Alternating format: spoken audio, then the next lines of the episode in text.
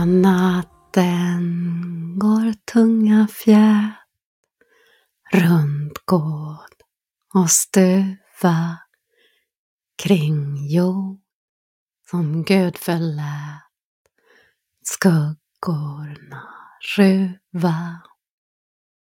Då i vårt mörka hus där med tända ljus Sankta Lucia, Sankta Lucia.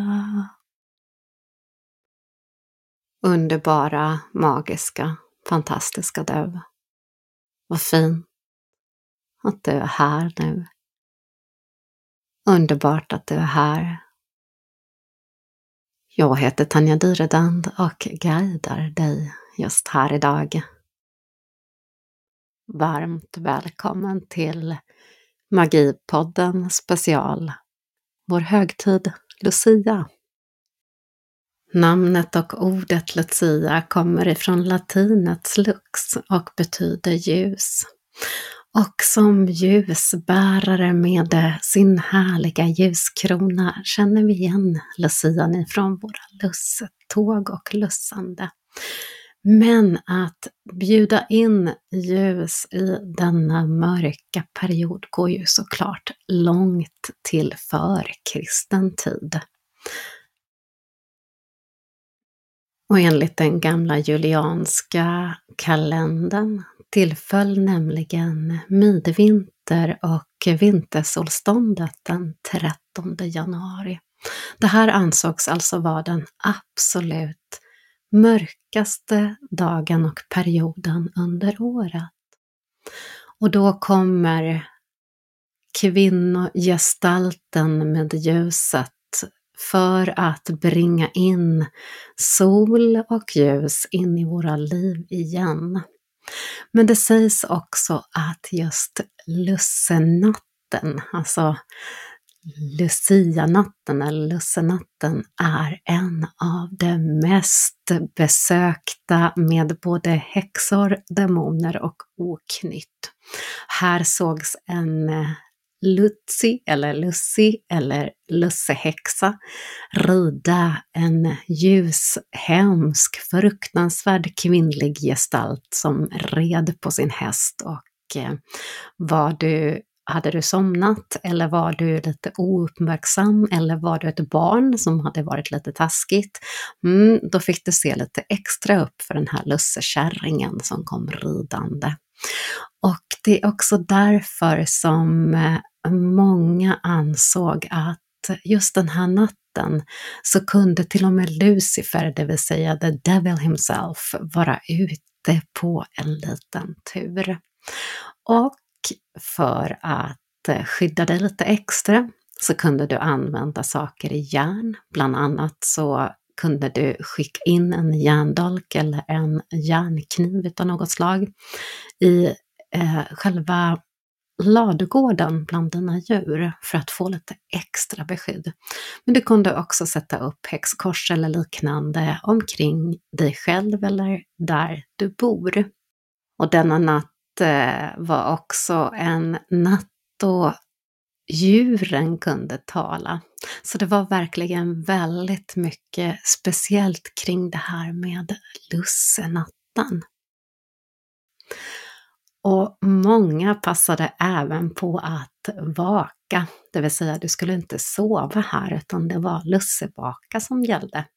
Och eftersom ofta så slaktade du eh, än själva julgrisen den här perioden för att sen gå in i julfastans stora, långa period fram till själva julen och julfirandet.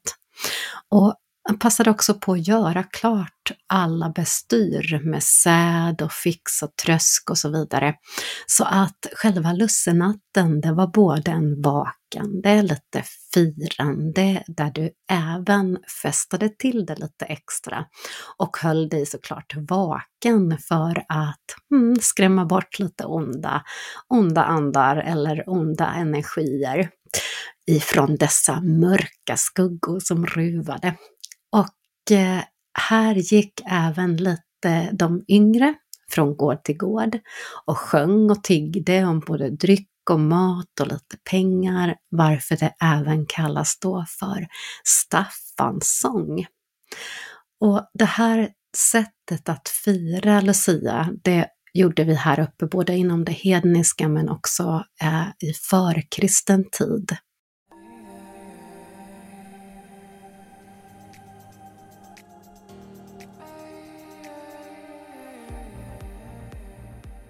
Och lussekatterna som vi äter, de saffransgula lussekatterna, har en helt egen historia. De kommer också långt bak redan i historieskrivningarna och det berättas om redan i förkristen tid. Att det här är symboler för solen men också lite grann Frejas bröst. Men att även det ska vara som en livets spiral eller en spiral som är då solen och symbol för att hennes katter drar Frejas vagn framåt. Och vi också har sett i olika tolkningar ifrån 1600-talet och framförallt Tyskland, det är att lussekatterna kallades för djävulskatten. Ordet Lucifer är ju även kopplat med djävulen och kommer alltså ifrån Lux. Och enligt denna sägen eh, så kom djävulen under den här mörkaste perioden i form utav en katt och gav barn som inte hade varit snälla gav han stryk. Och när det förkristnades så gick man ut och sa istället att Jesus i form av ett barn delade ut då bullar. Och de här formade man med saffranet, det vill säga solens färg, för att helt enkelt ge det till snälla barn. Och eh, det här har även eh, finns skrivet i Nederländerna och i norra Tyskland att man kallar de här för dyvelskatter, alltså djävulskatter. Och även i Västsverige så finns det då eh, en eh, skrivet att det finns en dövel, det vill säga djävul, med lussekatterna. Men här finns det även då även att Lucifer skulle ha någonting med lussi eller lussekatt att göra. Och det var genom att välja dessa lussekatter, det vill säga att äta de här bullarna som du höll helt enkelt onda andar eller Lucifer och annat borta ifrån dig. Så det fanns ju en riktigt härlig sak med dessa lussekatter förstås. Förutom att de är väldigt, väldigt smarriga och goda, tycker vi även än idag.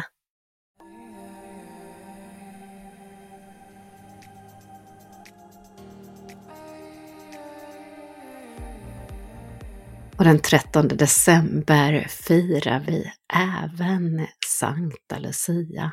Helgonförklarade och dog martyrdöden cirka 300 år efter Kristus. Och historien med Sankta Lucia, helgonet, finns återberättat i romersk-katolska men även inom ortodoxa kyrkan och är då ett romerskt helgon som har fått Eh, den 13 december till sin ära. Och enligt historien föddes Lucia in i en rik familj i Syrakusa på Sicilien. Och redan som liten så ska då hon ha sagt och avlagt ett kyskhetslöfte.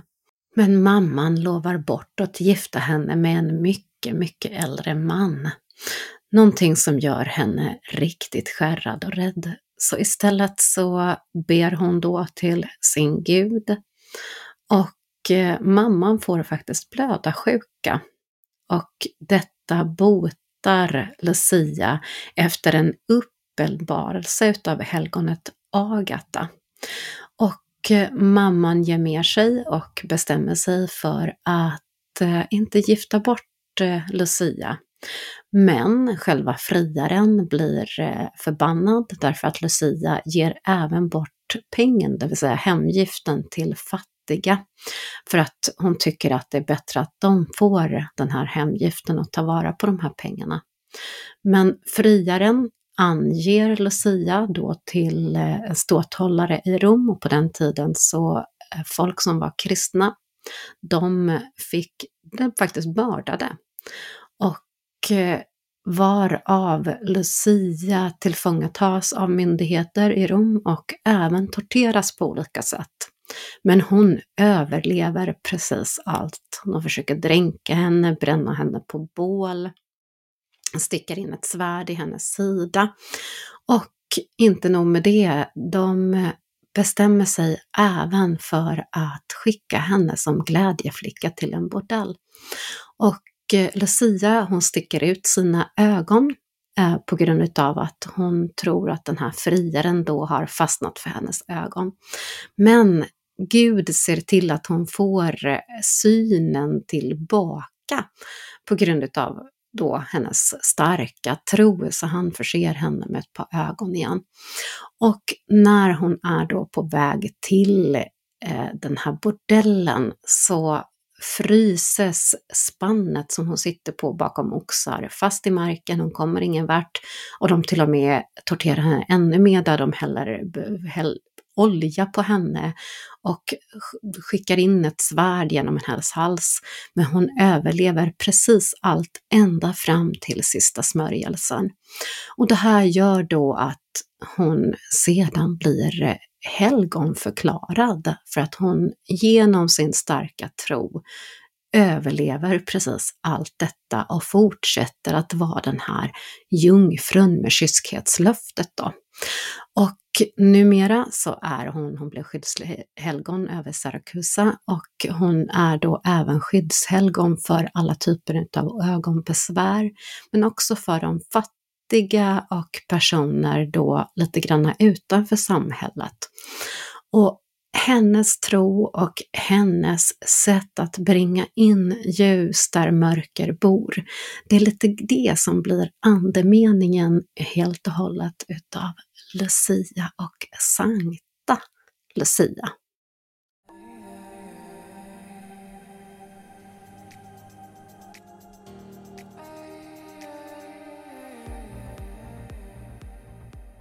Den här traditionen från Sicilien med att bära ljus togs emot här uppe i Norden. Och första gången som vi har en Lucia med ljus på huvudet i Sverige finns dokumenterat. Och då var det faktiskt en manlig Lucia, om pratar om i Skinnskatteberg. Att Eh, då var det en dräng klädd i vitt lakan och med en krans av ljus på huvudet bärande en väldig bål med glöggus. Egentligen skulle det varit en tjänsteflicka, skriver man här, men det skulle föreställa då Sankta Lucia. Men på grund utav då att det var så tungt att bära så hade man tagit till en karl tror han som har skrivit detta, en bruksinspektör ifrån Skinnskatteberg då. Och eh, manlig Lucia har inte varit helt unikt utan det förekommer faktiskt både i Bergslagen och Göteborg lite på olika sätt eh, dokumenterat då. Men sedan så togs det in en ung tjänsteflicka eller en flicka med ljus i håret.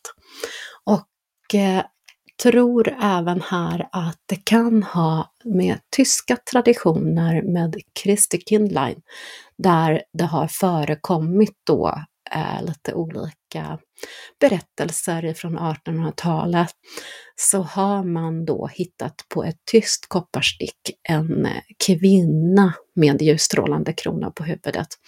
Och då säger man detta att det här är då ljusskottsbärare man har rött och vitt och en rund mössa, ett papper. Brud som kommer med ljus just den här mörkaste dagen under året.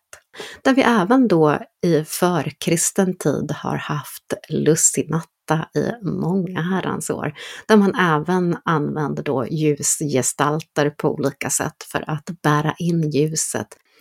Och det här firandet eh, togs in då på herrgårdar, på slottsgårdar och sedan har det utvecklats helt enkelt till det vi har idag. Och Lucia som vi känner igen firas allmänt i svensk Finland, men även förekommer i Åbo och Åland. Och vi har även eh, firande i Danmark och i Italien. Och i Italien så är Lucia barnens fest och Lucia kommer ofta med gåvor just till barnen. Det finns även Lucia-firande på Malta, på vissa områden i Spanien, Kroatien och Ungern. Och även så har det letat sig till USA och Venezuela och Sankta Lucia. Och idag handlar ju Lucia om att eh, bringa in ljus i mörkret men också medkänsla och omtanke lite extra för allt levande omkring oss. Och med dessa ord passar vi från Magipodden att eh, önska dig en härlig Lucia oavsett hur du firar och en påminnelse om att ta in mer ljuset i ditt liv. Fundera på vad ger dig ljus, vad ger dig kärlek, omhändertagande och eh, väldigt mycket också den fina, härliga känslan med att ta hand om dig själv och varandra och de du tycker om. Så passa på att skicka lite extra omtanke till nära och kära, dig själv. Och passa på att ta hand om dig riktigt, riktigt mycket nu. Så önskar vi en härlig vecka. Och kom ihåg att magi börjar med dig.